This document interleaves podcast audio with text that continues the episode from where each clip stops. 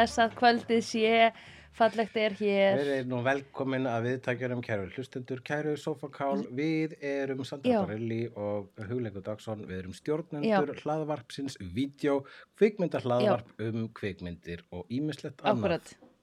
Að hvar eru mörkin á list og lífi?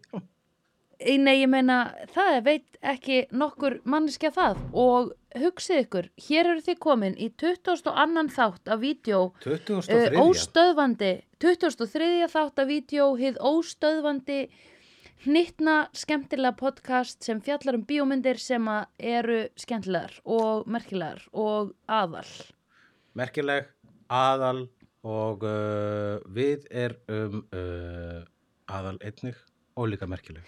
við erum geggja aðal uh, hérna ég, heyrðu ok, nei, ég, ég veit hvað við byrjum á að gera í þessum þætti Já, ok. að því við erum að fara að tala um þessa æðislega mynd Við erum að fara að tala um Sko. þessa æðislega mynd. Já, ég er óíkt spennt, þannig ég ætla aðeins að róa mig áður en að það byrjar og ég ætla hérna að vera með hróstíma. Róstími, já.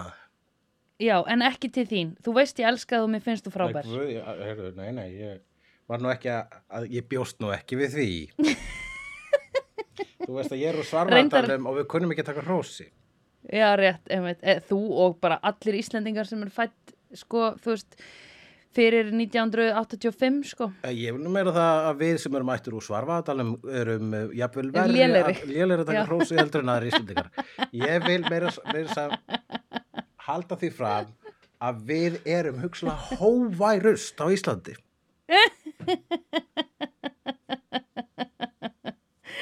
Er þetta, getur þú komið dæmið það?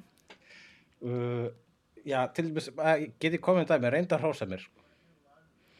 E, ég, oft hef ég gert það og þú segir alltaf takk, mikið er að fallega sagt, Sandra mín, segir við mig. Já, en það sem ég er að segja innan í mér er nú hættir þú.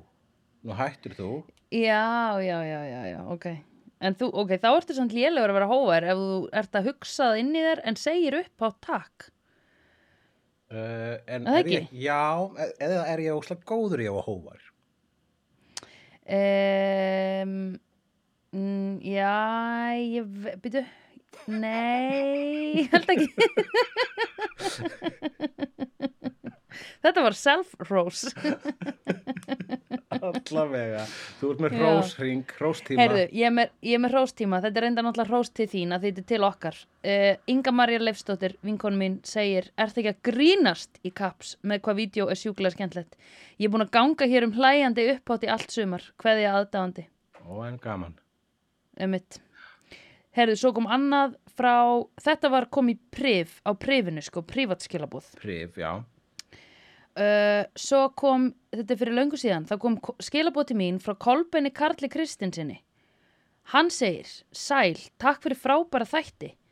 Mér langaði til gamans að benda ykkur á að podcastforriti mitt Castbox segir að svipaðir þættir séu meðal annars Caliphate sem fjalla um íslamska kalifatið Já, og svo segir hann gaman að heyra skoðanir ykkar á því hvernig þið tengi við það sem þið hljótið eðlilega að gera. já algáriðmin hefur ekki rátt fyrir sér. Nei, ekki nema Ég- minn, minn það- sökkar Ég sko. myndi, sa, já. þessu, ég myndi alveg setja sama sem merki milli vídeo og síðan svona fræðilegs podcast uh, um uh, já, íslamska pólitíska stefnu. Kalifatið Já, sko, ég er að reyna að muna hvað kalifat er Er það annars að því ég mann bara eftir þessu í lukkuláka Kalifinn af eitthvað Já, nei, nei, vá, Veit ekki meira. Vá, hvað blanda er mjög skemmtilega saman þarna. Þú vart að hugsa um, uh, uh, hvað var það, fláráður stórvesýr. Uh, Ok Ertu viss? Það voru, Er það ekki var, ka- kalífinn? Ég vil vera kalifi, það voru ekki lukkuláki, það voru aðrar myndasögur sem sögðu ó, ok. frá með austurleskum stórversir sem var stórversir uh, kalífa og hans Já. sko, hann var svona eins og Wiley Coyote á móti uh, Roadrunner, það, hann, var, hann var alltaf að reyna að ráða Vera kalífi? ráða kalífan af dögum sem hann er því kalífi en það tókst aldrei og það var alltaf brandarinn þetta er eins og Tommi og Jenny og svo framvegis sko, ok Oh my god, þetta er það sem ég var að lesa, já Þetta er það sem ég er að tala um Já. Ég hef lesið þetta Já, já, já, Já. algjörlega. Þess vegna er þetta við hliðin á okkar podcasti sem tenging Jú, ég held að augljós, það er augljós tenging. Já, og hann segir, og nummer tvö er The Fighter and the Kid og ég hef mikinn áhuga á að vita hvort ykkar væri þá Fighter og hvort ykkar væri the Kid. Hvað er Fighter and the Kid? Nú, nú veit ég ekki. Eða eigum Nei, Nei, við veljum bara hvor er Fighter og hvor er Kid af okkur. Ætla að sé ekki eitthvað svona podcast þar sem einhver fætir og einhver kid er. Ég vil alltaf líta, ég held að þú sér the kid, þú veist, þú ert yngri Já, ég veit þess það. get ég kallað þig kid. Ég finnst, það er eitt Yeah. aðeins skemmtilega, sko, sem að, hérna, við að vera, hérna, orðin uh, tæknilega, þú veist, bara kall. Já,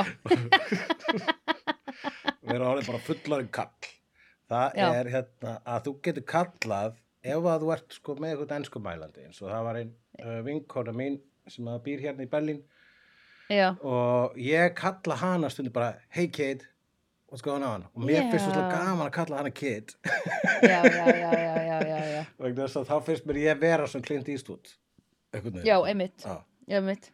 Mm Þú verður miklu svona, eh, þú verður að sko svona manni sem hefur séð tíman að tvenna um leið og þú kallar einhvern annan kid. akkurat how's it going kid Hey, how's it going kid? Já, það well, kid, let me tell you. kid sko er líka það er maður sem að sættir sig við sín aldur sko Mm Jakob Já, Fríman myndi, aldrei kalla neitt kid því þá er hann að viðkynna að við komum til hann Já, einmitt.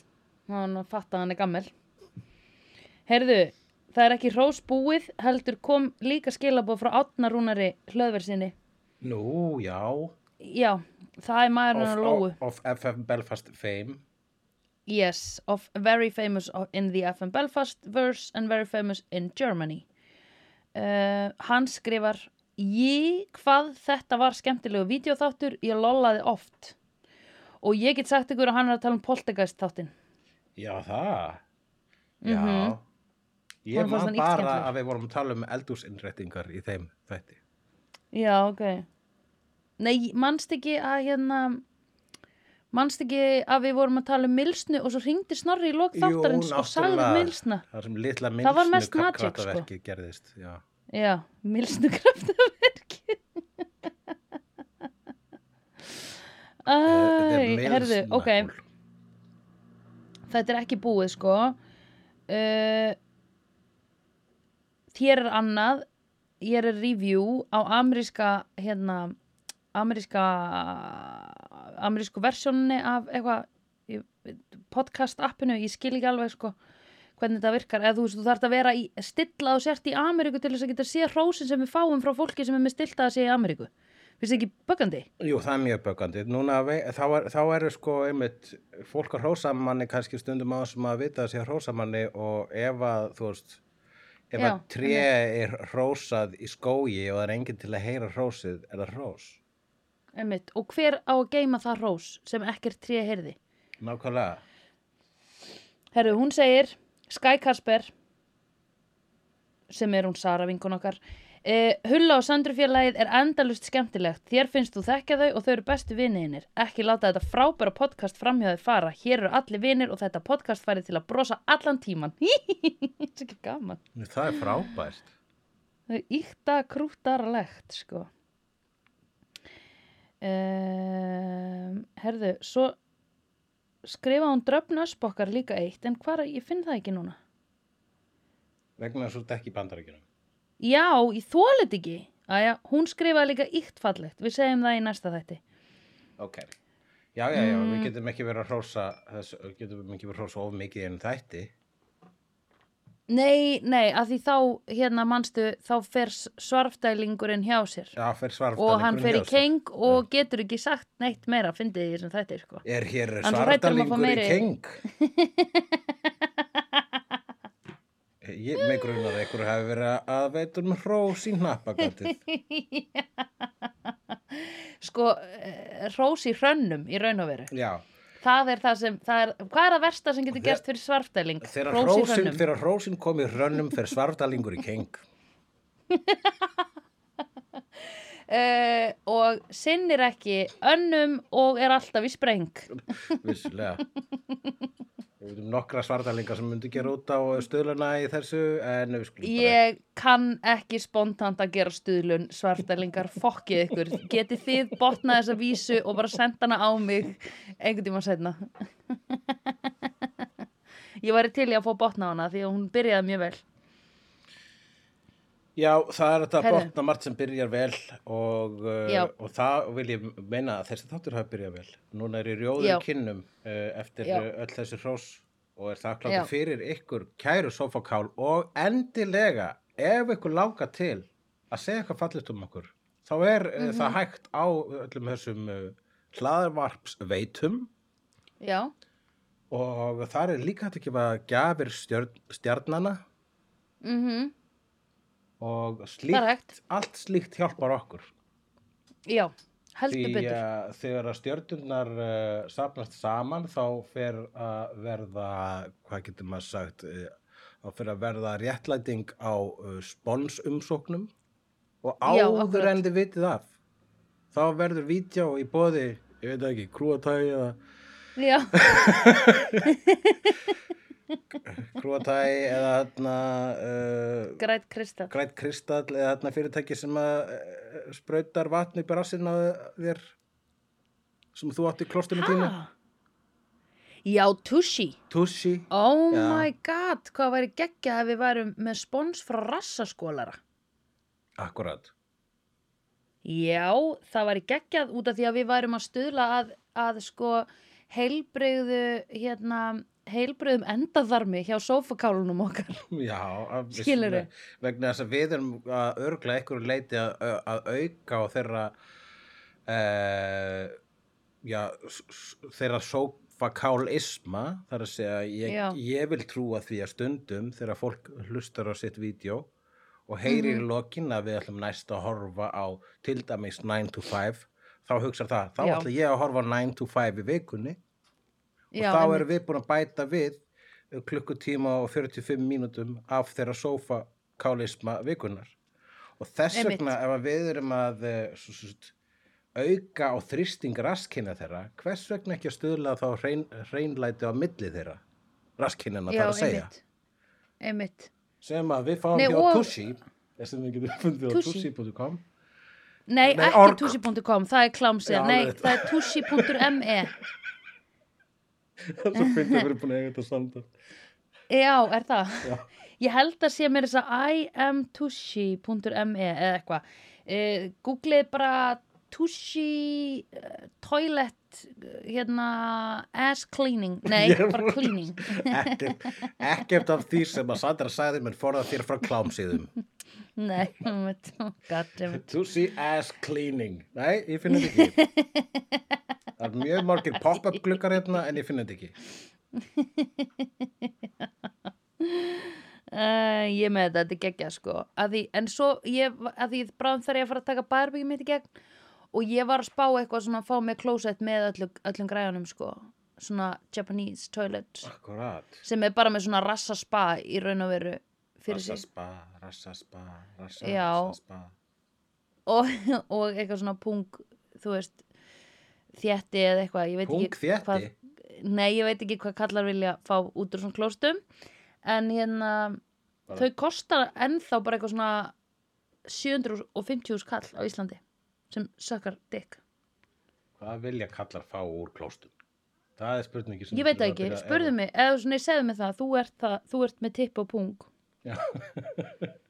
Mhm. uh, já, úr klóstum já, Ég hef ekki yfir neina kvarta svo sum sko, en það er uh, gott sturt er alltaf gott sko. Já já, svona sturt sem er ekki þannig að þú hugsar, oh my god, ég ætla aldrei að kúki þetta klóst að því hrættum að, að mun ekki ná að sturta Einmitt. Ég vil að uh, ef það getur fjarlægt sönnunagögnin á 0-1 já, þá er það snild. já, það er mjög gott Það er vissulega, uh, þú veist, gott og langt sturt, það er rauninu kannski ekki sérstaklega umhverfisvænt, þannig að uh, ef að væri ekkert að sturta þessu almennra niður á þess að þurfa að taka einhverja 40 lítra vatni með, já, þá var það næst sko, ef það var hægt að koma tækninni sem er í Mhm. dry cleaning yfir klósett fattur þau? Í dræklíning ertu þá að meina svona stíma þetta? Já, það er eitthvað svona stímbunur eða eitthvað sko, það er allavega í, í bara hug, þú veist, í, það heyrist í hérna nafninu á dry cleaning. Já, að það er verið að hérna, að þvó án þess að bleita. Já, einmitt. og þetta já, er, þetta er raunin eitthvað sem uh, þú veist, ég held að framtíðar útgáfan af þessu eru sko Sonic uh, í, í Star Trek, það faraði í svona Sonic Showers Já, ok. að einmitt í nýlegum Star Trek þætti uh, sem við vorum að horfa á, þá sá ég loksins þess að blessuður Sonic sturtur það er bara Já. hljóð, hljóðbylgjur sem að uh, hérna, Þrífa þig. og það er með þess að líka unisex sko. það er, það er uh, auðvitað í Star Trek er ekki, þú veist, kalla á hvernig Já, nei, ég meina, obviously, skilur En sko, ég held að klósettið Sonic Toilet er í raun og veru þá bara svona eins og hérna flugvéla klósett sem var bara svona, Já, svolítið þannig, það er svona mikill kraftur þar sko. já En hvert er það að sogast? Ú, það fer út úr vélinni og, Nei, það er ekki séns jú, að fer kúkurinn fer út úr vélinni og skýst svona á, á svona bara á okkur byssukúlur hraða niður í áttujörðinni og lendir þar í haustnum á David Hasselhoff What? Jú, samkvæmt uh, kvikmynd sem ég sá einu sinni eftir John Waters uh, ég man ekki hvað kvikmyndin hétt en þetta gerist í einni mynd með Ok, sem að John Waters leikstir þar sem að hann, uh, David Hasselhoff eh, nei, nei, nú manni, ok ah, ég vissi, ég fann fyrir sofakálum verið að segja, nei, nei, nei, hulli, þú ert að ruggla það var Já. kvikmynd heldur að þau séu jafn mikið nerds og þú? það er, alltaf, það er alltaf ykkur hérna úti sem er meira Uh, en there's ég, sko. always a bigger nerd. There's always a bigger nerd, with a er bigger nerd stick Yes, og hérna það var mynd með, eftir John Waters. Ég er ennþá að fatta hvað hann hét en það var þannig að það var David Hasselhoff sem var í flugvél og hann kúkaði. Og hann kúkaði kúklum og kúkurinn fyrir út af flugvélinni og lendir í haustum á Johnny Knoxville sem við þekkjum öll úr uh, Jackass. já. já. Ok, gott á hann Það ekki eða? á Johnny Knoxville? Nei, Já. ég, ég er fan sko. Ég er Jackass fan. Já, ok. Það er uh, uh, það, ef maður horfir á eina Jackass-mynd þá veit maður hversuna hér eru menn sem að uh, já, það er fegurð í þeim. Ég segi ekki annað sko. Ég, það er erfitt að réttlæta það án þess að þú sjáir það sko. Já, einmitt, ég hef nefnilega bara séð ég sá þetta bara á MTV og mér fannst alltaf þetta pirrandi eins og líka í 70 mínútum eitthvað svona ógeðstrykkur og það dót. Mér fannst þetta alltaf bara eitthvað svona uh, og eitthvað láta einhvern koma út af klostinu og slá hann með eitthvað köldum plastpókum eða eitthvað svona. Já. ég fílaði ekki svona sjónvarp. já, mér finnst allir hermd eftir Jackass gera það verð en Jackass sjálft sko var framleitt af Spike Jones og það var smá artistry í því sko. Og það, það er ákveðin sko uh, hreinskilni sko í því. Mhm.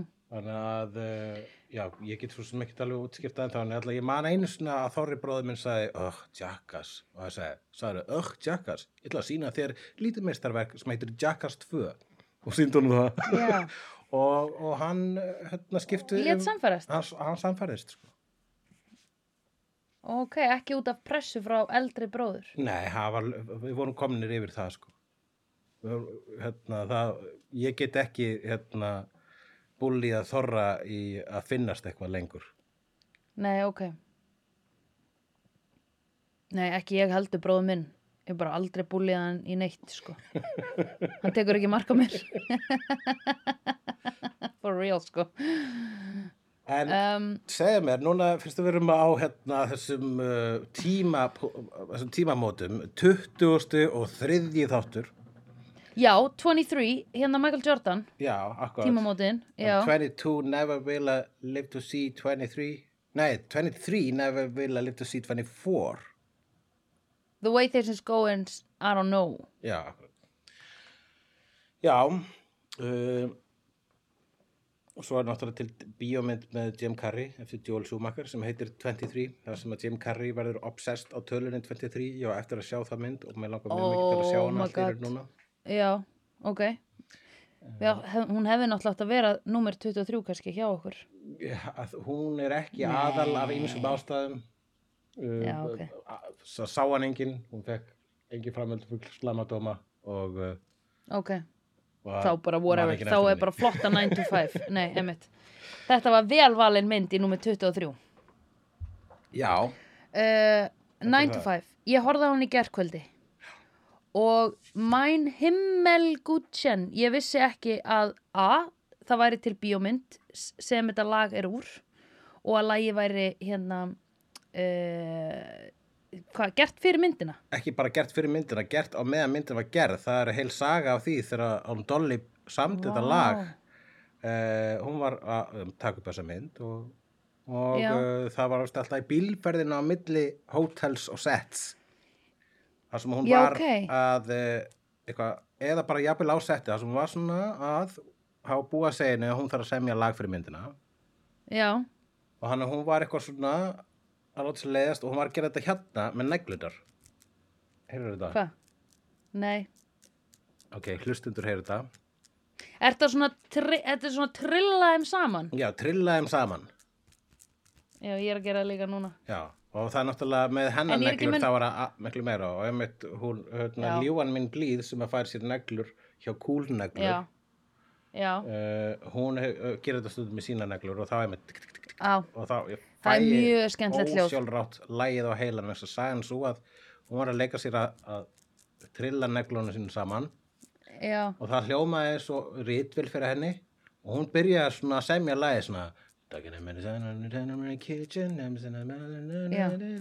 þannig að hún, hún samdi svona lagið svona á meðan henni leittist á milli e, þú veist takna eða e, tökudaga og Já. þetta var bara til þarna á staðinu en hún uh, sérst uh, raunni rithmi lagsins 9 to 5 kemur frá henni að trilla saman sínum nöglum.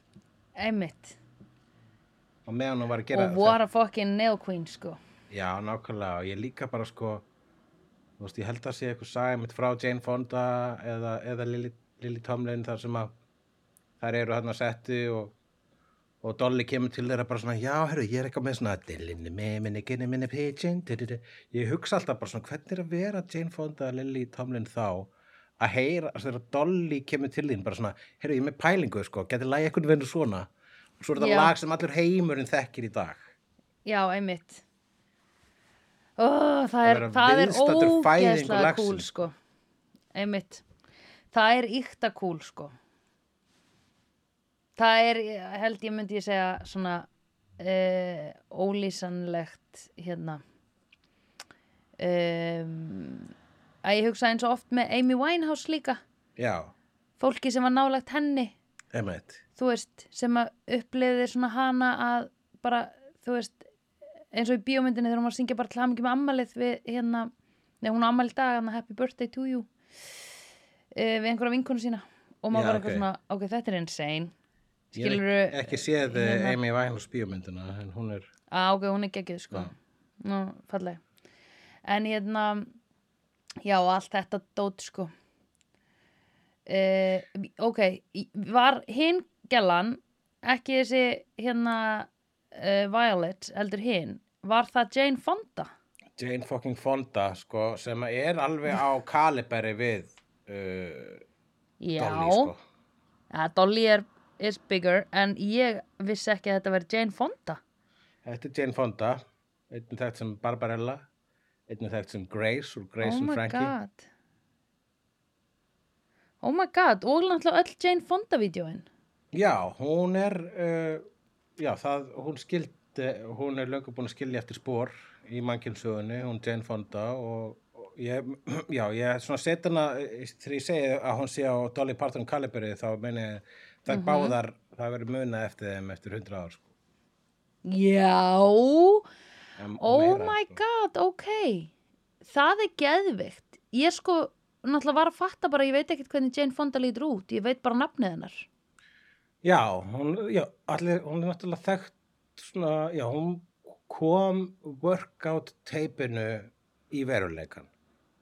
Já, Uh, og það var, einmitt, ég hef á okkur þætti einmitt á Disney Plus sem er bara fjallum The 80s og Já. það var einmitt talað um hérna, það var talað um það þegar hún uh, verandi sko kvikmyndastjarna mm og, uh, og bara hérna svona almanna eign pop, pop almanna eign að þegar Mhm. henni bauðist þetta að byrja að vera með workout tape þegar sko vídeo það er að Vaff HS Já, ekki podcasti okkar. ekki, þegar, við, þegar ég segi Vaff HS núna þá er ekki minna videoklubur hulla á söndrufélagsins heldur heldur uh, Vaff HS sem að stendur fyrir Video Home eitthvað kannski Video Home System.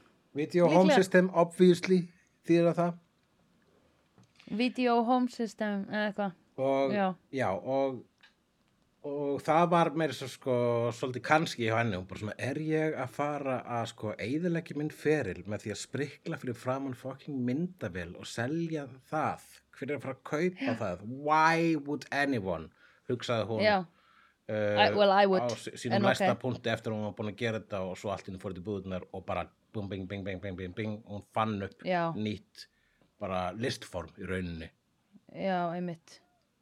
Ó, djúðlega crazy maður. Djúðlega gott. Þú ert alltaf að gera þessar æfingar, er það ekki? ég er með Carmen Electra Já, Carmen Electra. Já, en ég á Jane Fonda vínilplötuna sem er erfitt að æfa eftir vegna þess að hún er ekki visual en, en hérna, það er mjög gaman uh, að hlusta á það plötu eitthvað síður og það er bara svona flott Nei, dude, lega, sko. hefur þú reynd að gera sko morgunleikfumin á rás 2? Það er ekki hægt, sko. Eða rás 1. Ég veit aldrei hvað hún er að gera. og, og ég hef tvísvar Og sinn og, svo, og við hifum okkur hátt upp og við stigum hátt á tábergið og við fyllum okkur niður og finnum líkamann síga muna, ég bara veit ekki hvað hann er að segja sko. Og ég er held alltaf að sé svona alveg bara að standa upp fara, standa á tám síðan að fara aftur niður á viljar og svo setjast niður í stólinn sinn. Þetta er já, náttúrulega bara svona, ég, svona Nei, ég hef sko- leikfimi Já. Mér langar svo að kunna að spila þetta piano en hérna ég hef alltaf nefnilega þegar, þegar, þegar ég er bara eitthvað að hlusta útvarpið og þetta byrjar þá hugsa ég ok, nú ætlum ég að ímynda mér hvað hún er að fara að gera Já. og ég tapa alltaf eða skilur ég næ aldrei að halda hérna Já, ég hef nú aldrei actually, mikið reynt Fylgjenni. að gera þetta sko. Ég held að það var eitthvað ein vika þegar við vorum í gjörningan áskið í LHI þá ákveðum við að taka eina viku í það að actually gera leikfimina á alltaf verið mætum á mótnana. já, Og- ég er ekki að tala um það ég er að meina bara fylgis í haustnum að ímynda mér hvað hún er að gera Já, ég, við reyndum það og, og verandi í LHI það var náttúrulega var Nei, voru þið ekki að gera þetta fysikali Jú, já. var Ég var ekki að gera, ég að meina ég er ekki að gera þetta fysikali sko. Ég er bara Nei. að drekka kaffi mitt og er að hlusta á það sem hún er að lýsa og er bara, já, ég veit hvað hún er að gera núna. Ég veit Já, hvað hún er að gera núna. Ég held Ah, að nú þú sérst að henni. gera morgunleik fyrir mig rás 1 á sama hátt og svona 98% þjóðarinnar.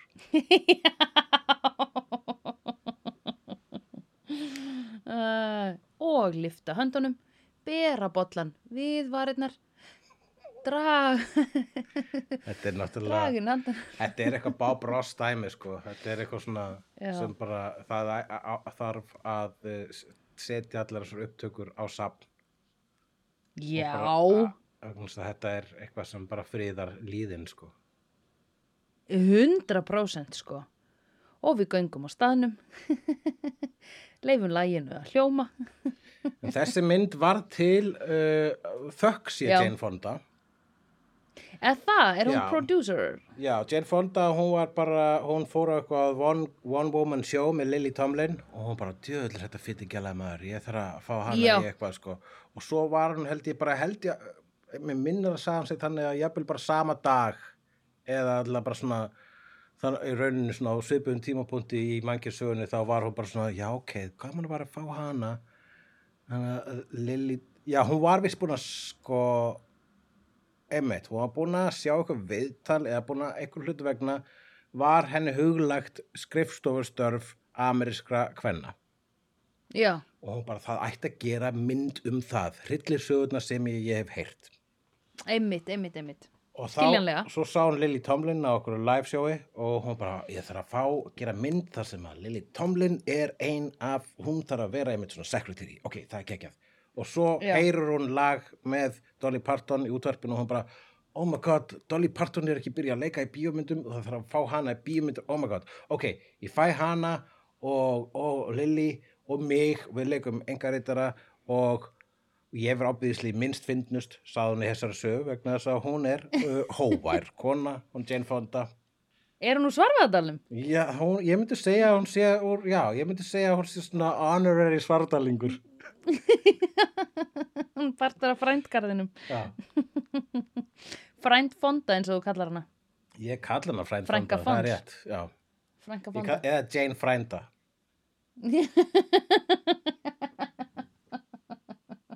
Já, það hleit að vera. Ok,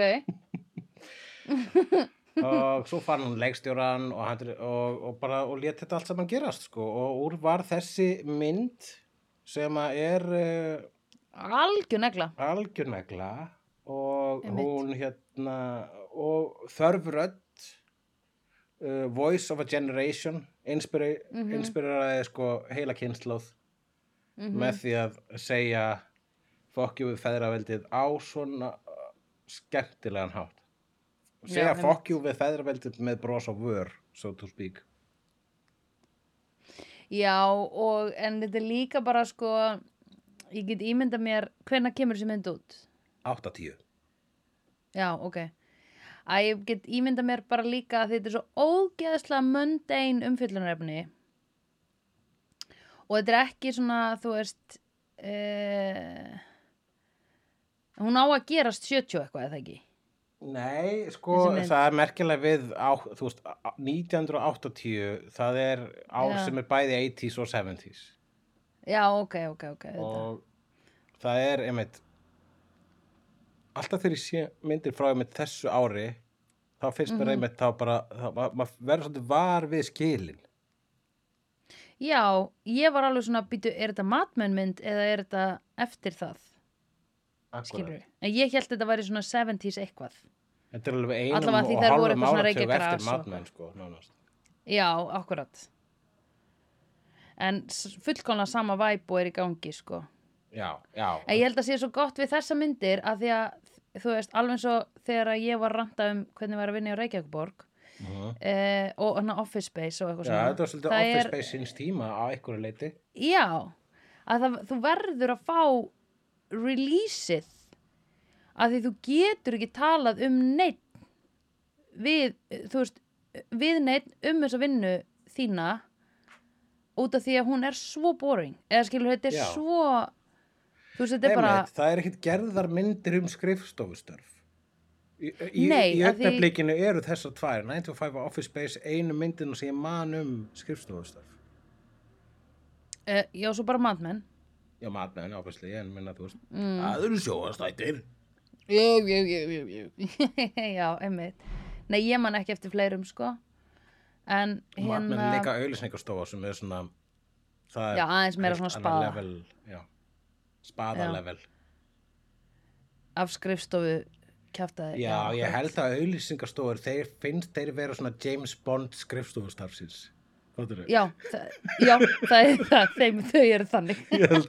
Já, ég er að finna auðlýsingastofu, ég er basically James Bond í skrifstofustól. Já, Ég held að við vorum svolítið að finna eitthvað hérna, sko. já, einmitt.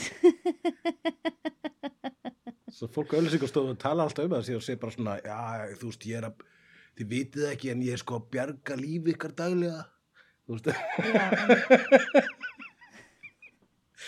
ég er sko að eru- breyta heiminum. já, en þau eru að búa til mesta kjaftaði, sko. Já, já, þau eru að breyta heiminum mestu- bara svona, man. já, já, þau eru bara að búa til demand af kjaftaði. Þau eru að skapa the delusion of freedom. Yes. And they are fróða. They are, they are skjúmaparty. They are a foam party. Nei, hvað heitir svona skjúmaparty? Svona það sem er sprauta fróðu úr að dansa. Ég held að bara fróðupartí hljóta að vera rétt orðið hér, sko. Fróðudiskó. Fróðu disco. Já, það er auðlýsingastofur.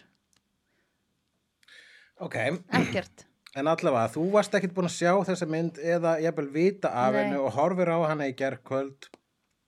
E, hafði ekki hugmynd og vissi ekki einu svona Dolly Parton væri leikona Já, það eru, sko, ég held að country söngvarar og rapparar eigi það sæmeilegt að geta verið góði leikarar. já, einmitt. Já, eh, 100% Method Man er alltaf að leika á eitthvað.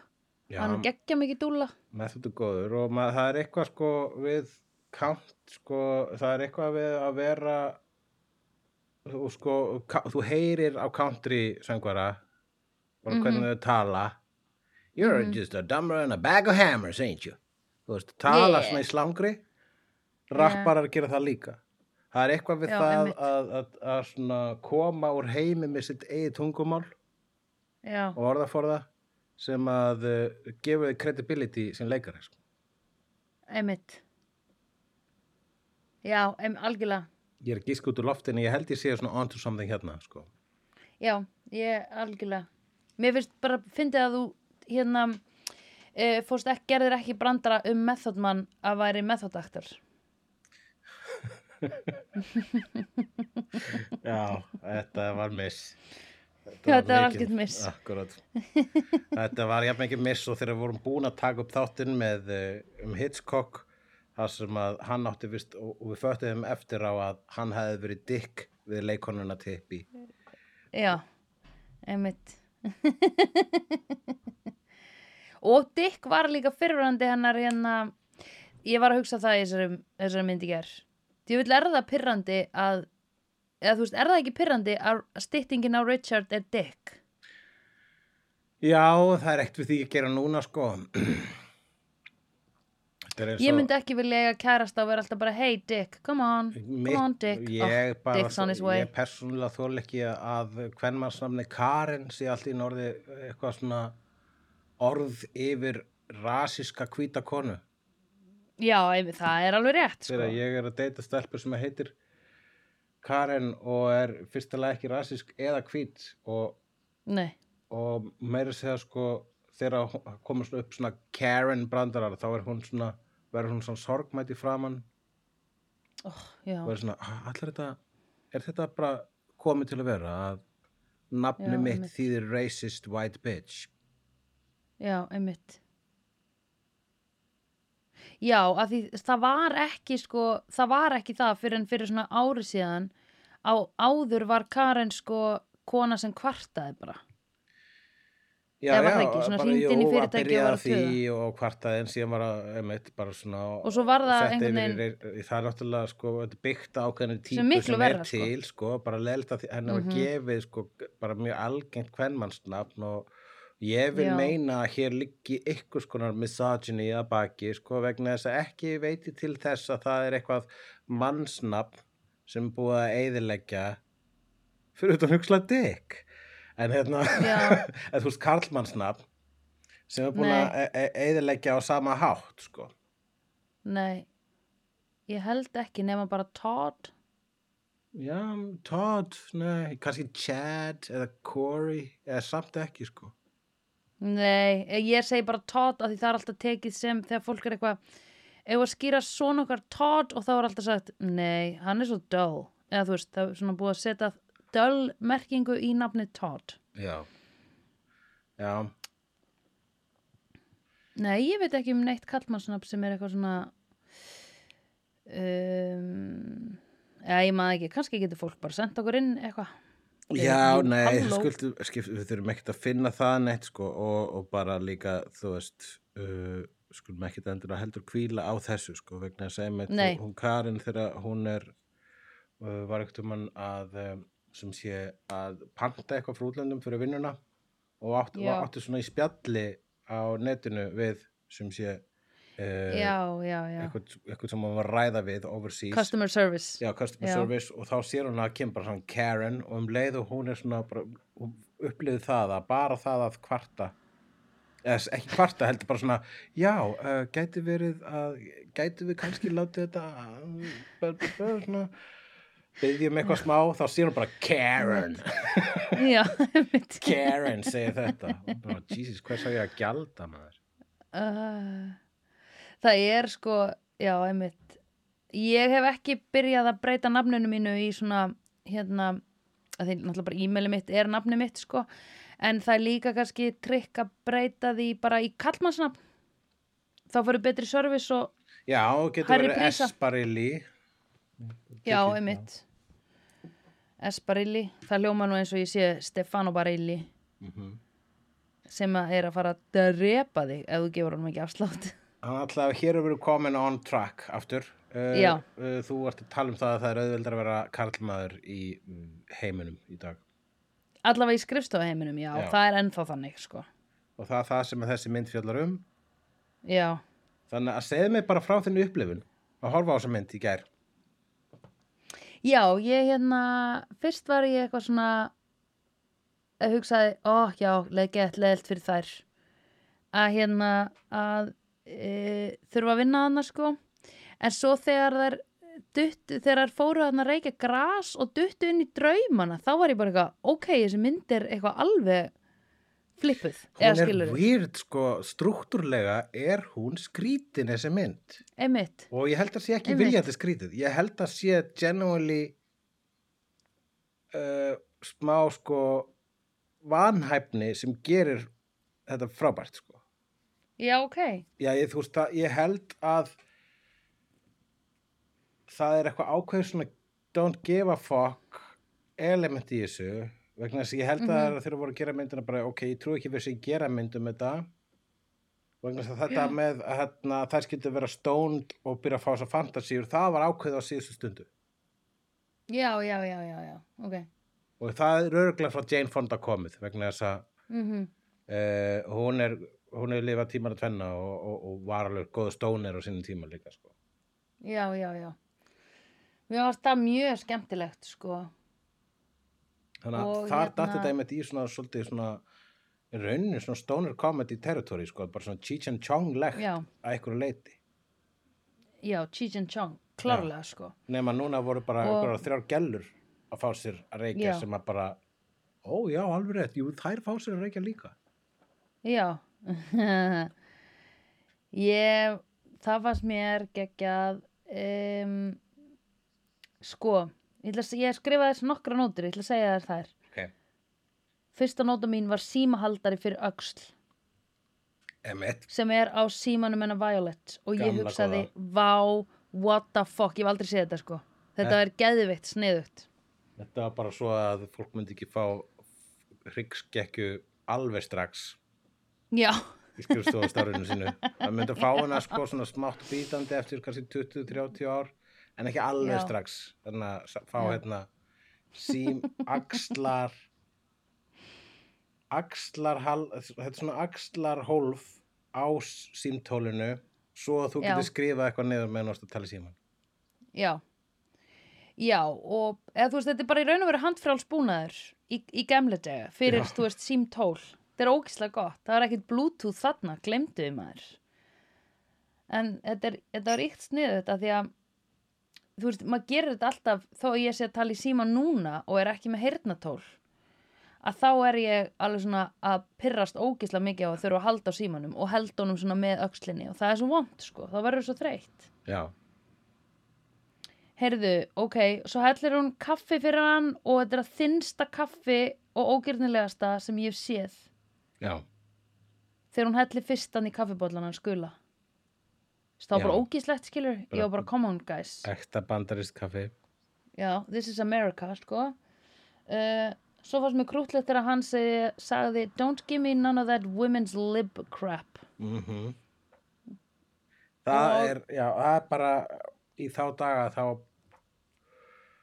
já mér finnst alltaf þessi feminismi koma svolítið í bylgjum sko Já, sem að gerir, ábyggisli, já gerir eh, það er örglega til upptalning á Wikipedia yfir hvað bylgjurnar heita en, já, fyrsta bylgja, önnur bylgja, fjórða bylgja.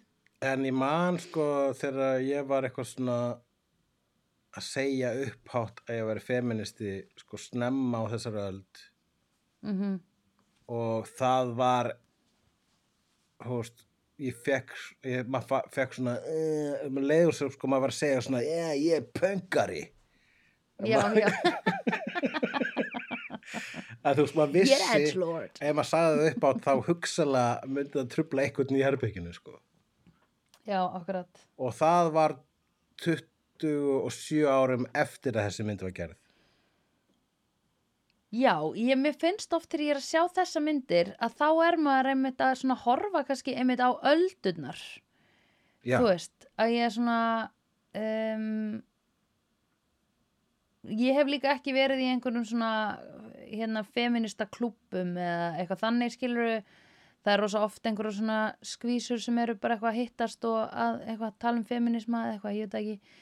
Um, ég hef ekki verið í þannig sko. Þú veist, það sem að ég hefði kannski einhver hefði sagt við mig, þú verður að sjá þessa mynd skiluru, já, jú, algjörlega, uh, en en þá allavega finnst mér smá svona eins og ég hafi mist af þessum waves af, fem, af lib crap dóti sko, women's liberation crap dóti já, lip crap. yeah, the lib, women's lib crap. Women's lip crap. Uh, Jú, það er Já En ég meina þú, það er eina ekki sem ég man eftir er me too dótið sko. Akkurat. Já, en ég meina eh, bara þú sem kána ert Mhm. ekki s- þú veist, og, og sérst ert ekki sjálfkrafa í svona klubbi sko fyrir, þú veist, nei, alls ekki sko. Ég meina það það er ekki allar fullt af konur sem eru hérna, ekki on board eða allavega ekki með augun opin fyrir Já. þessu. Mm en ég er að tala bara, bara þú veist í uh, þinni bublu. -hmm. þú ert alltaf búin að vera þú ert bara alltaf búin að þú ert alltaf búin að vita hvað klukkan slær já, ég er ekki að meina það sko. En ég, ég veit það en ég er samt ekki bara einhvern veginn búin að vera með í bylgjónum ég veit það ekki Sandra sko. Well actually.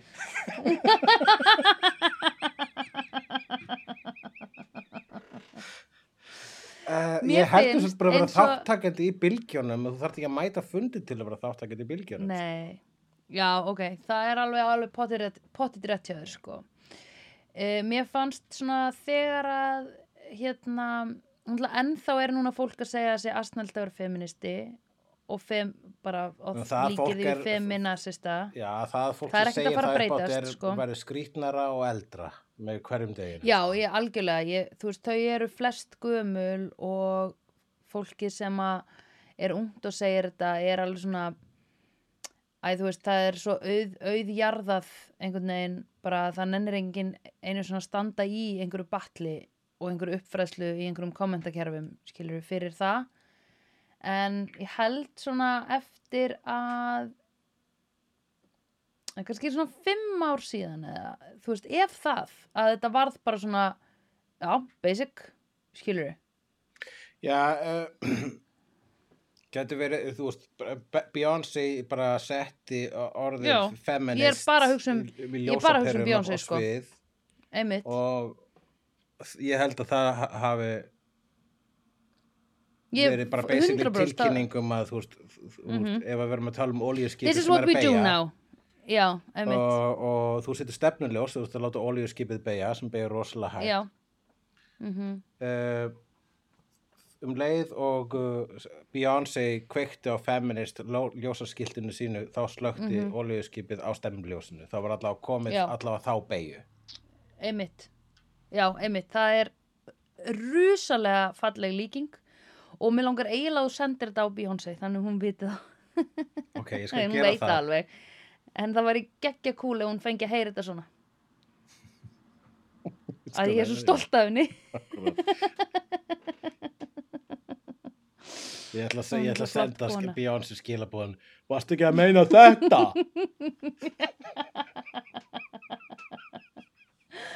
Þú gerir bara svona mjög fallega orðað og segir bara þetta. Mm og að þetta, að hún sé, að því hún er ákveðin svona groundbreaker eða hvað heitir það svona, hún er a mover and a shaker.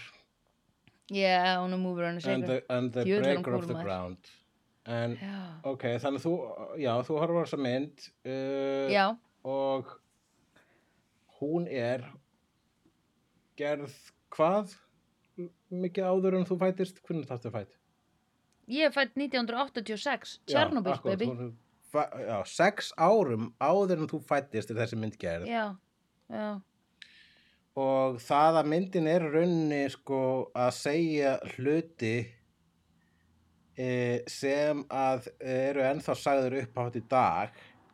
Já, og sumir rúlla augunum yfir þegar þeir eru sagður í dag bara svona, erum við ennþá að tala um þetta? Og svara er náttúrulega, já, obvíslega er ennþá að tala um þetta vegna þess að þú ert ekki að fatta þetta ennþá. Nei, einmitt. Uh, já, þannig að sko hvað, hva, hvernig lætur að líða? Er Svona, er, ertu inspired að þessi mynd var gerð á sínu tíma og þessar rættir voru til þá og, Mm eða ertu bara svona, seriously, erum við ennþá að tala um þetta? Nei, ég hugsa það aldrei. Eða, þú veist, uh, hérna, ég hugsa meira fyrir sjálfa mig svona, yeah, I get it. En ég, ég, um, já, ég, að, að því fólk tekur oft svona til orða, erum við ennþá að tala um þetta, það er 2021, alltaf eitthvað svona að taka ártalið fram, skilur já, það er, það er hægt bara, sko. já, og svo er sömur sem segja fyrir ekki, erum við ennþá að tala um þetta? Voru ekki lengur búin að, þú veist uh, þá er ég meina, sko, Mhm. eins og þegar að kalla að segja, ha, ég meina er ekki búið að laga allt? Ég meina við vitum núna af ójafnréttinu, þannig að ég held að við vorum búin að tala um þetta. Mhm, já, já, já, já. Nei, ég finn það ekki, sko, ég hugsa bara, ég, djúlega geggja að þetta hafi verið komið upp á yfirborðið þarna, að því að stundum líður mér eins og eða, að eina, fyrsta skipti sem við horfðum á eitthvað misogynistic var bara matmenn, þar sem var verið að svona benda okkur á misogynistic hegðun, skilur Já. Akkurat, meðan að síðan horfur á Friends það sem er, sem er ógislega bara eh, þú veist, evil og misogynistic og homophobic og allt að hérna og en það er ekki verið að benda okkur á að það sé það, skilur við nei. En hérna er kannski svolítið svona eitthvað svona millistig milli matmar og friends. Að að vissuleiti vegna þess að sko þessi mynd er að gera hún gerist á þeim tíma sem hún er gerð þannig að hún er ekki eins og matmenn mm mhm. Nei, -hmm. eins og friends að því leiti mhm, og en hún fjallar um, um hvað um sexismann og Mhm. ójafnvægið og mhm, meiri sér sko sumt sem að sko hérna einmitt, yfirmaðurinn, vondikallin í þessari mynd gerir brandararnir um það hvað hann er glataða gaur eru bara svona oh, fyrir ekki ömulegt þegar kallar eru svona sömu hlutir gerðir í dag væri bara svona, ok, þetta er this is, þetta er ástæði fyrir cancellation sko já, já, já, já vegna þess að sko, hann er samt- fulli að áreita dolly kynferðislega Já.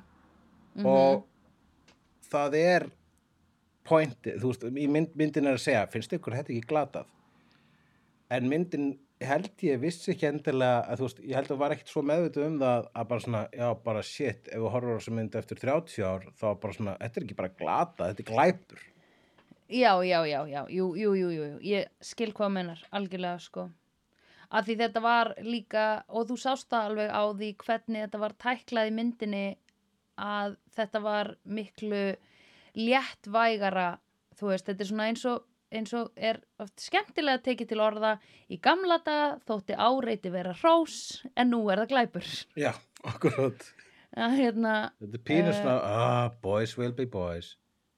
Mm, en þessi myndi samt að segja sko, einmitt ertu ekki orðin drullu leið að boys will be boys? Jú, jú, jú, jú, við, við sitt targeted audience. Og svo kemur hún með þessa ógæðislega góðu ræðu, var það ekki þarna? Þar sem hún, hún talar um byssuna sína og segir I'll turn your rooster to a hen in seconds. eða já, akkurat, það er ætlar að skjóta undan honum, sker undan honum, skjóta undan honum. akkurat Það þótti mig gaman, sko. með einmitt hérna fantasíu atriðin uh, í tveimur af þremur fantasíum þá drepa þær yfir mann sinn. Já, einmitt, það var ókslega gott. Það var svolítið cool. Mm Og í, og, þú veist, já, Lily Tomlin drepur hann og Jane Fonda drepur hann en Dolly Parton hún bindur hann eftir hún búin Já. að samt kynfyrsla árið hann líka. Já.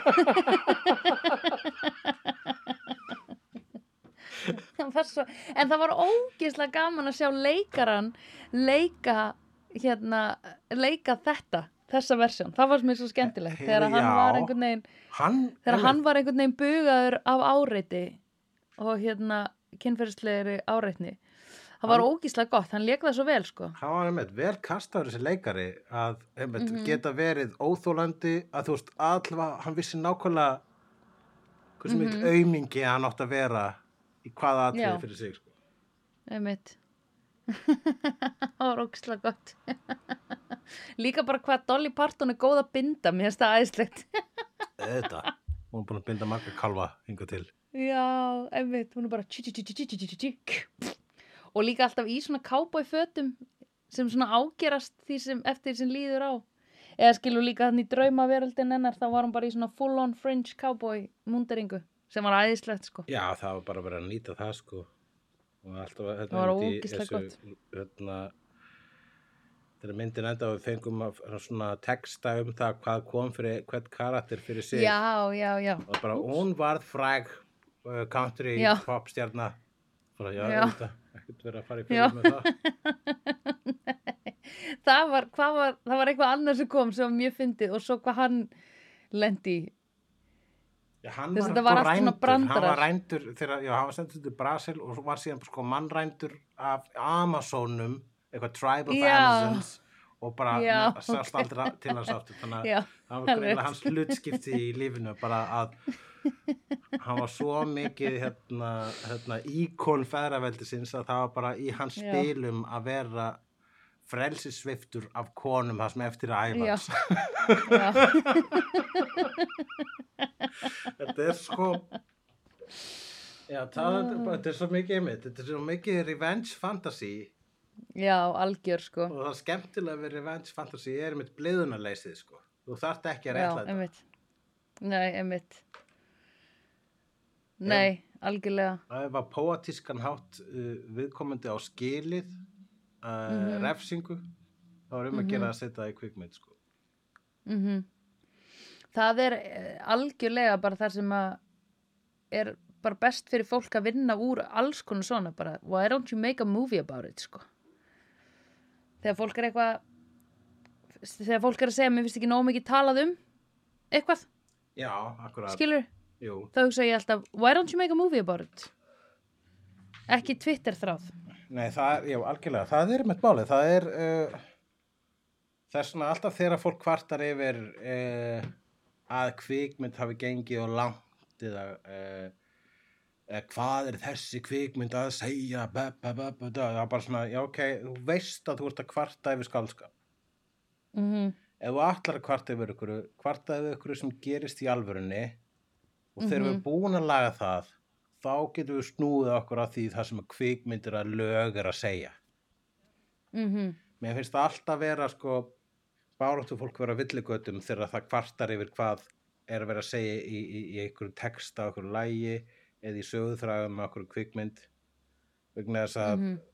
þú veist, mér finnst það vera eins og öskra á blómin í staða fyrir moldina sko þú veist, þetta að vera Já, einmitt. þú bara svona, hvað, akkur ertu svona? Já, það, þú verður að kanna fucking jarðveginn fyrst ég er bara spratt úr þessum Já, já, jarðvegi já. Já, einmitt. Já, akkur eru, allar rósirna mínar hvítar. Hei, það er út af því að þú passar ekki upp á endurvinna og þú heldir klór í moldina í staðin fyrir að fara með hann í sorpu. nákvæmlega Skilur? mhm Herðu, og síðan kemur uh, meðan að þær eru meðan í hérna gíslingu þá kemur eitt skemmtilegasta montage sem ég hef séð í Ó, kvikmyndum sem er vinnustaður að blómstra. Yes. en veist þetta bara geggjað sko. Það er verið að mála það er verið að refurbisha sko, það er verið að breyta reglum og Ég- svona alltaf upp á tilkynningaborði það sem ég með að tala um struktúrun á þessari myndu það sko að byrjar á því að þessi maður er óþólandi þessi yfirmaður er óþólandi og það er Mhm. saminast í gegnum það og Mhm. svo kemur hérna heil saga second act saga það sem að Lily Tomlin heldur hún að hafi óvart drepið yfirmann sinn með rottu eitri og svo kemur third act það sem að e, út af einhverju atbyrðaröð þá eru þær bara Mhm.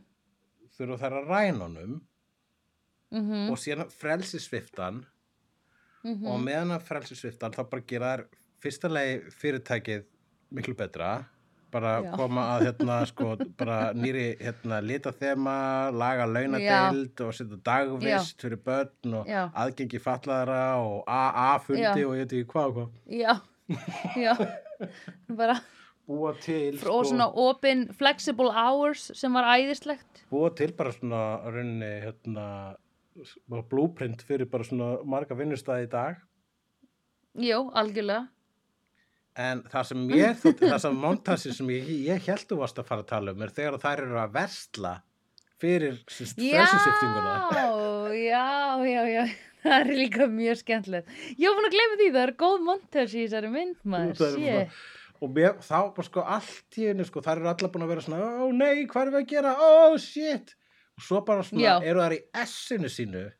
Þegar þær eru svona, ok, við kaupum svona hérna hundaól og uh, keðjur og búa Já. til opbóðsla imaginary elaborate leið til að halda honum í gíslingu sem er Já, þetta skrýtna uh, hérna, svona harness hugvit þeirra að vera með fjárstyringu þegar hann fer yfir strikið þá geta það ítt á fjárstyringu og hann bara vrr, fer upp í loftið og hangir eins og kjötbiti já.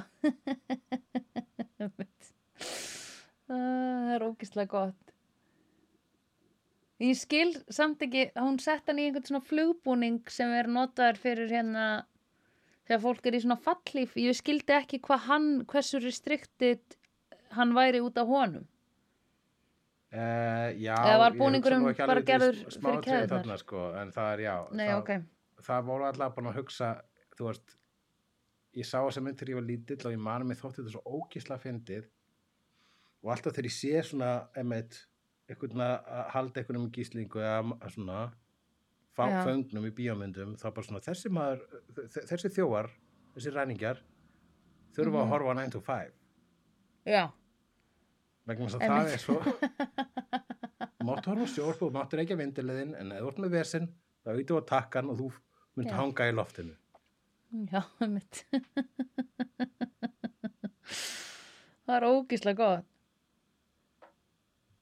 Voru þær, en þurfti Jane Fonda að gista allan tíman í húsinu meðan þær voru að passa? ég hljóð, það hlýtur að hafa verið eitthvað vakta eitthvað vakta, vakta skipti sko Jane Fonda var uh, já, Jane og, og Lily voru ekki giftar sko og. Dolly hefur þurft að fara heim til massið og hún var bara ham ekki samlega gift Hún hétt Violet, þessi sem er ekki Jane Fonda. já, Lily, Tomlin það eru saman með þátt Já, Lily, já, já, já, Grace and ok, ég veit ekki hvað leikon heitir. Þú getur séð þessar tvær leikonu saman uh, í Netflix sitcomi sem heitir Grace og Frankie þar sem þær eru Já, sko ok. báðar sko áttræðar og, og er að lenda í ímsum æfinturum, það er mjög gaman Er þetta eitthvað svona kallarnir koma heim og eitthvað? Já, premissið það að þær eru búin að vera giftar sitt hvorum kallinum sem eru, sem eru báðir að vinna uh, sem báðir að vinna saman sem lögfræðingar og í fyrsta Já. þetta kemur ljós að þeir eru búin að vera að halda fram hjá þeim með hvorum öðrum þeir eru uh, homar og, og ákvaða að eigða s- allavega síðustu árunum sínum saman vil ekki lifi lígi þannig að þær báðar eru bara svona ó nei, hvað er við þá að gera og þættinu fjallum það já, ok, ok, er Nice. mjög skemmtilegt ok, gekkja. Já, ég get tjekka á því. Let me see you do the Jane Fonda. Five, six, seven now. En hérna, uh, já, ok, það, já, það montage er aðeinslegt. Sko, Dolly er á einum tímapunkti að horfa svona eftir keðjunni. Ég skildi ekki hvað hann var að gera. Sjá hvort að keðjan væri óslitin eða bein eða eitthvað. Þetta var mjög sk- já, þetta var mjög sérstök leið til þess að tjekka keðju. Já, já, ég veit ekki, þetta var bara örgulega eitthvað sem var af þetta myndefninu sem var búið til í þessu montasi þá var þetta bara leitið þetta vel út. Dolly að mæla keðju og hann svo mikið dúlla. Herði, og, en síðasta nótan mín er að þegar þær skála í kampænsglösunum að í lokin á skrippborðinu hans Já, ég á svona kampænsglös. Já, akkurat. Alveg eins, Þetta eru mjög, uh, mjög falleg. maður má ekki hrista þau, neitt. Nei, nei, nei, nei, nei, ekki neitt sko. Þú þarft að vera elegant Það að er best að halda undir skálinu sko. mm Mér fannst besta setningi þegar Dolly sagði I say we hire a couple of wranglers to go upstairs and beat the shit out of him. Já.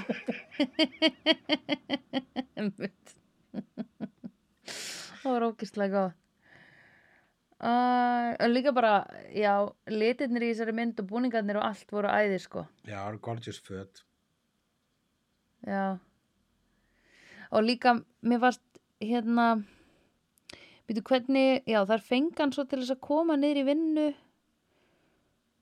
Já, hann held að hann var með yfirhöndina þarna undir lokin og uh, en síðan Já. bara voru þær búin að gera fyrirtæki svo miklu betra uh, undir sinni stjórn Já, að hann Colonel. Sanders mætti. Já, kemur Colonel Sanders sem er eitthvað hluta vegna aðal Mhm. yfirmaðurinn á þessu fyrirtæki Já, og það var algjör sko hérna, já, það var svona nánast bara svona Deus ex machina að, var, að bara, hann var bara dregin úr fyrirtækinu þar að fara til Brasilíu og það er með að sjá um Já. fyrirtæki eftir það já, og það var einmitt. mjög mikil hefni uh, og þarna virkaði, allt í hennu virkaði kerfið þeir, þeim í hag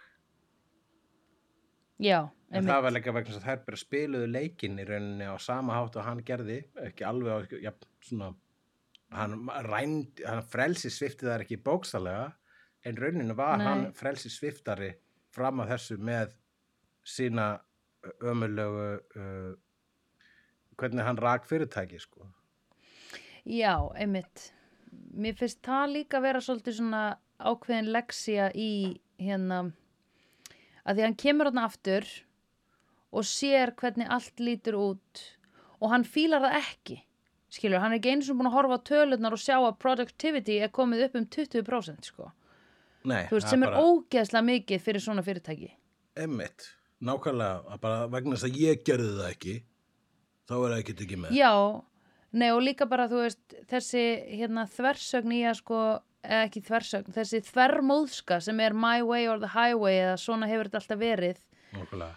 Það er svo ógislega fyndið að sjá hérna sjá sko einhverja bestun og vera á mótinni út af engu, skilur Já, það er bara emmitt hann verður að vera með valdið hann þarf að ráða.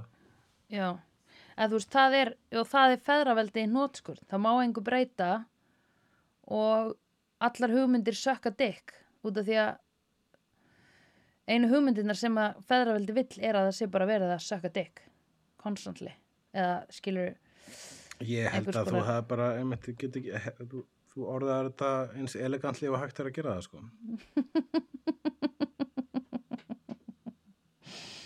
Right. Um, Já, flottar. Já, flotta geggjaðar. Sko ég var mjög ánað með þessa mynd. Ég ætla að segja að mér finnst þessi og hérna uh, Fargo núna að vera uppáhalds tvær, Já, það er gaman Þetta er mynd sko, hún fekk ekki eitthvað briljant dóma á sinni tíma og nei, ég sé alveg svona sem svona uh, ef ég set mig í spór uh, hef, Bíómyndafræðings. hefðbundin kvikmyndagagrinda sérstaklega frá þessum tíma Já. bara svona, og að uh, það eru alveg svona plotthólur og struktúrlega er hún, hún er undarleg sko en það var einmitt ég já, mér finnst það svo gaman sko. Já, einmitt, ég horfði á þessa mynd, ég sá hana þegar ég var lítill og svo horfði ég hana aftur fyrir svona ári síðan og svo aftur núna. Mhm. en þegar ég horfði hana fyrir ári síðan þá var bara svona, ó, ég veit í rauninni ekkit hvað er að fara að gerast. Eða þú veist, hú- hérna ferðalægið í áttina að sigur, sigurnum sigrinum, já, ekki já, sigurnum. Sigurði. Í áttina að Sigurði. sigurði. Það er svo skemmtilegt bara allt þetta, Einmitt. þessi millisaga þar sem að sko, hún væjar að heldur hún hafi drepið hann og kemur þarna þeir eru Já. að fara að fela lík og svo orð rænur hún röngu líki og bla bla bla. Bara það er bara svona Já, það, er hei, það gæti verið heil kvikmynd út af fyrir sig en það er bara miðjan. Já, og það er áður Já, en það einmitt. ræna honum og búa til þessa awesome high-tech uh, já, einmitt. bondage leið til þess að halda honum Já, heima hjá sér. Feng, já, einmitt Já, akkurat, af því það er líka, þú veist, þessi miskilingur einmitt, þegar miskilingurum er líkið komin, þá hugsaði ég bara ok, þetta, núna verður myndin um þetta. Einhvern veginn, að þær hafa það það var bara bara alls ekki, mér finnst það ógíslega gaman já, einmitt. Uh, smá detour svona, smá svona eins og þegar maður á þegar maður er að tala við fólk og hérna heyrðu sem minnir mig á, byrju ég ætla að segja eitt þetta, og svo ferða aftur í hérna já, hvað vorum við að tala um? Þetta, Einmitt. þetta er svona þannig Hérna eru mínar nótur, ég skrifaði Dolly. Slutshameu, sko, það er allavega sögni því að Já. sko, hún var hálfpartinn bara svona ekki lögði einelti en hún var uh, útskúð hálf, Já. svolítið úr hérna, s- í sinna einu vinnu vegna þess að allir heldu að hún væri að sofa yfir manninum. já því hann var að segja öllum að, að hérna, þau var að sofa saman og pældi líka að þú veist, það spurði enginn hana pældi hvað það er umulegt Einmitt. Það er eitthvað sko, ég, mér líður eins og þegar þetta var aðrisað í þessari mynd, þá hefði það ekkert verið aðrisað en ráði í bíómyndum aður, sko. nei, einmitt Og þannig að það er representuð sko, hérna, allar ákveði svona uh, óreittlæti. Hún, Dolly Mhm. gerði þetta dæmi, sko, að vera Mhm. bara kæft á sögur slatshemuð og, og Lili Tomlin representaði konuna sem búin að vera þarna duglegust að vinna þarna lengst allan tíman og svo Já. er yfirmaðurinn tekur hennar hugmyndir. Þeirra, uh, segir að það, er, að það var hans eigin hugmyndir. Mm og uh, Jane Fonda representaði konuna sem er bara búin að vera heimavinnandi húsmóður allan tíma og að síðan að skilja þannig að hún þarf alltaf að fara á markaðin og ekki, vera algjörlega Einmitt. óundibúin vegna þess að það var búið að skrifa hennar örlög nema það var ekki búið að rekna með því að hugsla myndi hún fara úr hjónabandi sem er eðlilegastu hlutur í heimi Já, einmitt. Að því að who wants to be married to Dick, am I right? Am I right? Já, akkurat. Þetta eru þessar þrjár st- stóðir kvenlags raunveruleika. Nei, Þetta var allavega, þetta, þessi uppskrift var allavega, þú veist, þessi formúla að uh, grúpu virkaði svo vel að mm Mhm. það voru gerð sitcom úr þessari mynd, bara sem að stutt eftir að myndi kom út, þá var sitcom í 80s sem að hétu 9 to 5 byggð á þessari kvikmynd, ekki með þessum sem er leikonum, en ok. leikonum sem leikum Nei. sem er karaktera. Og svo Ok. hefur líka verið gerður uh, Broadway söngleikur eftir þessari mynd. Þannig að uh, hún er allavega sko stimplaði sig inn. Veist, Hún varð, hún, uh, hún, hún bæði slóði gegn Vá. og er svona kvöldar í dag og einmitt kvöldið sést best í því að það er búið að gera söngleik eftir því á Broadway. Bæði Já. við það var líka að gera söngleikur eftir Beetlejuice á Broadway. já, við vissum það. Jú. Þú sagði það ekki? Jú. Síðast. Já, kannski, maður ekki. Allavega, Ok, já, við gætum verið með svona side theme eru bíómyndir sem hafa verið gerðið söngleikir eftir. ég held allavega ef það gerður söngleikur eftir bíómynd þá er hún orðin pínu aðal. Já, já, það er auðvitað. Heldur að koma ekkert tíma Marvel söngleikurinn. I am Captain Marvel here. Já, það er vist, ég var að horfa trailerinn á Hawkeye spaceship. þáttunum og þá e, í þeim heimi er búið að gera söngleik um Steve Rogers. Já, ok. Þannig að það er búið að gera Marvel söngleik inn í Marvel heiminum. já, right.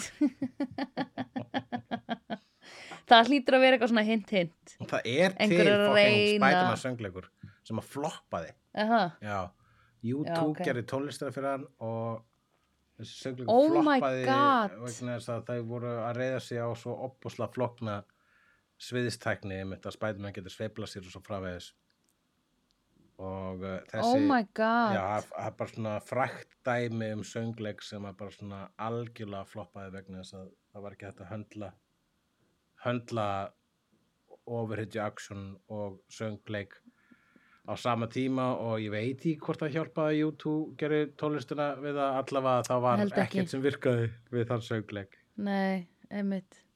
Mér finnst eiginlega eins og Spiderman ætti að vera meira eitthvað svona um, ef það hefði verið gert í the 90s eitthvað svona Blink 182 eða eitthvað þannig. Já, það hefði virkað betur með Blink-182 heldur en með U2 Já, 100%. Eða Já. ég er að hugsa það að þegar þurft að vera þannig band skilur eitthvað svona punk rock American skilur eitthvað svona eh, na na na skater boy eitthvað svona þannig. Ég sé hvað það meina og ég held því sér saman Já. Já.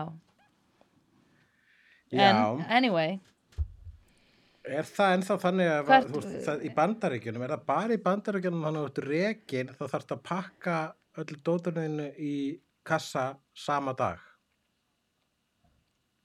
uh, já, að því það er capitalism og þar eru allt enga fyrirtæki. Þannig að ef þú ert rekin, þá er ekki eitthvað svona verndaður uppsagnarfrestur, þrjir mánuðir kjaftaði, það er bara you're gone, going, gone, nei, go, go, going, going, gone, gone. gone. Going, going, gone. Hvað segirðu? Ég held að þú veist að meina Go- going, going, gone. Ekki going, going, heldur það er eitthvað going, ding, gone. Já, þetta er, þetta er hérna uppáðs jargon. Going once, Já, ok. going twice Sold. For braggity Já, það er going, going, sold. Já, ok. The gentleman in the white shirt. En anyway, hérna, já, það er þannig. Manstu þegar þú tókst einu sinni mynda mér Nei, var það einhver annar? Þegar ég var svona með kassa Ég var að fara að yfirgefa hérna skrifstofun hennar lóu eða eitthvað, að fara eitthvað annað. Eða yfirgefa skrifstofu hérna útgáfufyrirtæki sem ég var einn svona að vinna hjá. Nei, ég tók ekki Þá þá tók mynd. ég svona mynda mér með kassa og ég kannski sendir hana. En þá var ég með svona mynd með kassa með svona lampanum mínum Já. og liklaborðinu mínu. Það er alltaf daldið gott svona. Alltaf Gott kúl vibe, sko. Það Já, ég, mér finnst það að vera svona ákveði sko Já, ég myndi alveg upplifa mig með svona kassa sko, bara til að einmitt eiga Mhm. þetta ljósmynda moment. Hei, ég er alveg svo í bíómynd Það er alveg svo að búið að reka mig í bíómynd En að því þú ert aldrei rekin af neinu að því þú vinnur fyrir fokkin sjálfa þig. Já, Þannig þú getur ekki upplifað þetta. Nei, nei, það er bara That's a different kind of hell Yeah, of course. En ég er sko með vinnukassa sem ég með allt í, skiluru þú veist, liklaborðið, upphækkun og, og skjái minn, upphækkun fyrir tölvuna þú veist, og svona ringlaga svona til að setja penna í, skiluru, sharpie penna skæri og svona alls konar dót sem ég noti vinnunni, post-it miða. Já, og alltaf þegar ég er að klára verkefni eða eitthvað, þegar ég er að fara eitthvað annað að því ég er mobile, að þá raða ég svo öllu voni í þennan kassa og lappa út með kassan ég er alltaf að gera bíómyndamomentin þín þegar ég klára hvert einasta verkefni þá er ég alltaf svona, jæja tu, tu, tu, já akkurat. trilla með þetta aftur heim þanga til ég verð kannski ráðin í næsta verkefni alltaf að pakka skrifborinu mínu niður í kassa Þú ert meira I'm svona, constantly doing já, it meira svona málaliði eða mercenary eins og við lærðum Já. um í, í síðasta þætti. Já, einmitt, ég er uh, ég er hérna body for hire eða hvað Já. heitir hérna Þannig að kannski eitthvað tíma næst þegar þú ferð kannski í næsta verkefni þá ferð að vinna með eitthvað sem þú hefur unnið með áður og þú, mm Mhm. þú segir svona You son of a bitch. Og svo svona Já. he- heilsistu svona með Yeah. svona sjómann með svaka Yeah. vöðum Já, já. Uh, CIA got you pushing too many pencils. Okay, okay, okay. You are the alpha Arnold. Yeah. I'm a beta. Já Þú ert ekki beita þú ert, þú ert alfa í þessari sögu sko. Ég sá, Er það? Já, ok Ég sá I'm þig ekki alpha. sem Karl Veðir ég sá þig sem Arnold Já, ég var Schwarzenegger. Arnold Schwarzenegger, Já. of course Of course, hvernig læt ég Þó að þér finnst Karl Veðirs mun sætari heldur en uh, Arnold Já Schwarzenegger Er það ekki? Hvort myndur Karl eða Arnold? Karl, Ei, nei, veistu það? Arnold ef ég á að sko ef þurfti að velja bara til að eiga sögun að maður væri Arnold sko en, ef þau báðir óþektir og ég myndi bara velja út frá útlitinu þá myndi ég velja Karl Já, ok, ég skil. Já, því ég held, uh, það er alveg legit rök. mm Það var eitthvað sem að Tina Fey sagði eitthvað tímann í miðri einhverju MeToo-bylgjunni um að, sko, að það fallega við þetta allt saman við svona bylgjur uh, þess að Mhm. það er sko veist, það er náttúrulega fullt af ljótleika og sársöka sem þessu fylgir en það er fallega er sko staðfestingin á þeirri staðreind nei, hvort það var ekki bara Sara Silverman sem sagði það annarkvort Tina Fey og Sara Silverman uh, sem að sagði eitthvað leið að bara þegar við, þegar við saminumst þá erum við óstöðvandi. Einmitt. það er ekkert sem getur stöðva okkur. Það er svolítið, það er svolítið satt sko. Það er alveg bara svona hérna, Já, ekki öfunda ég gaurana sem fá sko sameinaðar konur á móti sér nei, einmitt. Og- Og, það er rosa rétt, sko, að það er powerið sem þú finnur alltaf, skilur, sem er það sem fær mann til þess að vera bara eitthvað neginn grænjandi þegar svona er að gerast, sko. það er það sem að ég öfunda sko, konur af. Mm, þegar það gerist sko, bara eins og bara þegar einhvern tímann satt í bíl með þér og þú varst að hlusta á Beyoncé uh, og Homecoming og hún var eitthvað að segja hérna, suck my dick, eitthvað var Have we had enough of the bullshit? Já, það er gæsa húða moment, sko. Já, og, og þú sagði við mig þú mynd aldrei fatta hvað þetta er mikið gæsa húða moment Já, og ég Sa sagði æ, fyrir geði. Ha, nei, ég tók aldrei bara ég tók það ekki sem ég tók það ekki sem eitthvað svona þú mátt ekki vera með, fuck you. Ég tók það meira sem bara það er rétt ég mun aldrei fatta það.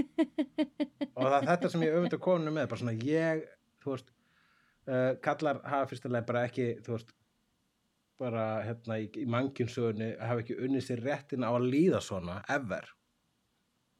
Nei, já, einmitt. og það er það sem ég er að segja sko, bara svona, já, shit Já. sko ég meina uh, obviously er lífið búin að vera auðveldara fyrir mig og fyrir mitt kyn uh, í Mhm. öldum saman E, já, hvítakalla. já, kyn og Já. kyn þátt sem að eru uh, bæði í rauninni orð sem að er að vera meira og meira úrelt Mhm. hugtök en, uh, en einmitt bara svona hérna, það er það er eitthvað við þetta hérna, þessa sameininga tilfinningu sem Mhm. að ég fæ ákveði svona hérna, kyn FOMO út af sko Já, já, já, já. já.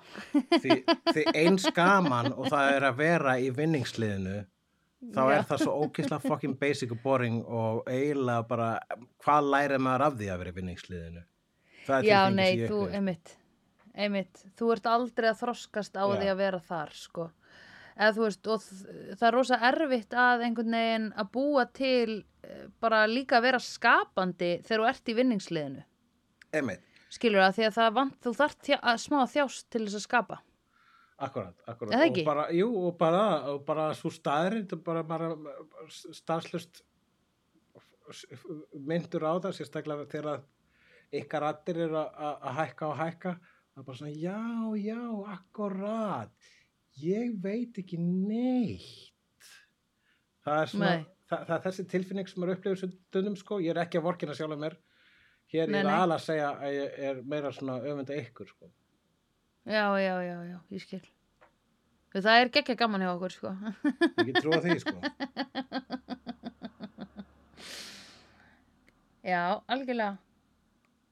Ég er líka bara, þú veist, það er einmitt þegar maður sér svona myndir, þá er maður eitthvað, yes, djöfull dýrka ég að þið hafi verið að gera þetta á þessum tíma og bara, þú veist, Það er Einhver hafi séð þetta það er þá hlegið og- meira í ykkar partíu.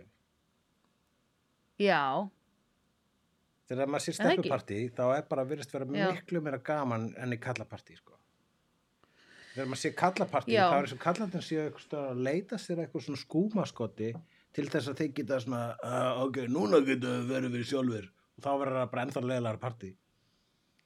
en já, þegar maður sé stelpupartí þá bara svona Jesus Christ, það er eins og þið hafi verið svona veist að drepa einhvern einræðisherra eða eitthvað já, Fattar hvað ég segja? einmitt já, já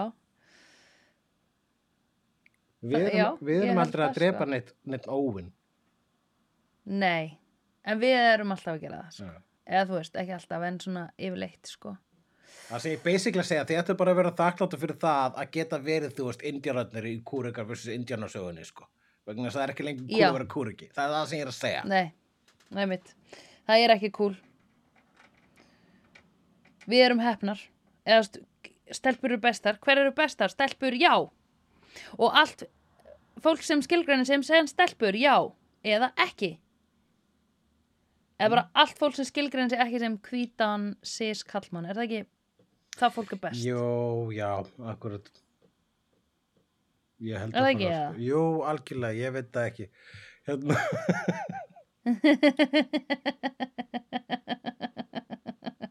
Af því það er the þú worst. þarft ekki mitt samþykki til þess að sko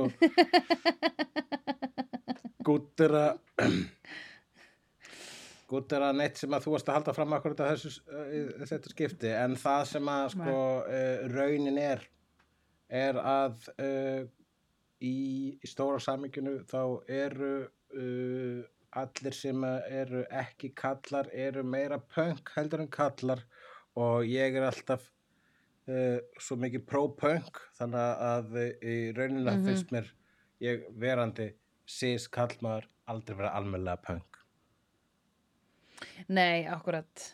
Já, þess vegna ert þú uh, það er hérna þitt dilemma. Það er þitt, þitt hérna það heldur fyrir mig vöku allar nættur struggle. Já, já. Það er þitt listræna struggle. I, Oh my count, God, I ok. count my blessings though Já, nei, fair enough. En bara, ég var að fatta þetta núna, það er svolítið, það er svolítið, það er þess að öfund hjá þér. Eða þess að lack of, uh, eitthvað, já, öfund lack of suffering. Akkurat, jú, alltaf sé þetta að kalla öfund sko, en síðan þegar að hólmenni komi sko, ef mér byðist að uh, geta sko, og, hérna, já, að geta orðið Mm. einn af ykkur og geta upplefa sama óreittlæti þá myndi ég alveg hugsa mig um bara, já en forréttindi eru næs Já, já, já, já. Þyrftur þá að skipta alveg að eilífu? Eða var þetta bara einn dagur sem hann væri kána? Ég, ég hugsaði eilifu sko ef ég geti gert það einn dag þá væri það bara eitthvað sem fólk myndi ef svo tækni myndi bjóðast þá getur þú veist skiptum bara hvað sem er á einum degi Já. þá myndi það bara vera eitthvað þú veist amusement park ride bara Já, vertu svartur einn dag vertu kona einn Mm. dag já ég ætla að prófa Heru, ég prófaði nú einu svona að vera svartur einn dag og já, jú, ég bara lærði úslega mikið af því og þá myndi þetta allt fara í sjóin sko. Það myndi, Já, það myndi held ég ekki hjálpa baráttunni ef þú getur ef að eh, ef að Ég var, ég var svartur og ég... a- a- a- annara, eða þú veist, reynsla hvað segir maður, minnulítu hópa væri bara orðið eitthvað svona sem getur prófað í smá stund. Þá var Já. ég, ég veit ekki hvort það myndi hjálpa umræðinu sko. Nei. Ég hef sér vídeo, ég hef sér viðtalið svarta mann og hann uppliði engan rasisma í bándaringunum. Já. Þetta færi svolítið þangað. Chris Rock sagði að það var í lægi þegar Louis C.K. sagði ennorðið þess vegna má ég segja það Mm Hérna, já, um, já. Það hljómar eins og eitthvað hræðilegt svona Westworld Amusement Park fítus. Já, það er tímaspjörsmál þegar það kemur að því að eitthvað er mitt eitthvað svona racial, gender, uh, Westworld Já, HBO þáttur kemur já, sem að segir það sem segja þarf já. Walk a mile in my shoes, dæmi. Já, Úff, já. Það var eh, besta walk a mile in my shoes uh, kvóti sem ég hirti bara frá Billy Connolly Já. og sagði You will never understand anyone until you walk a mile in their shoes. After that, who cares? You're a mile away and you got their shoes.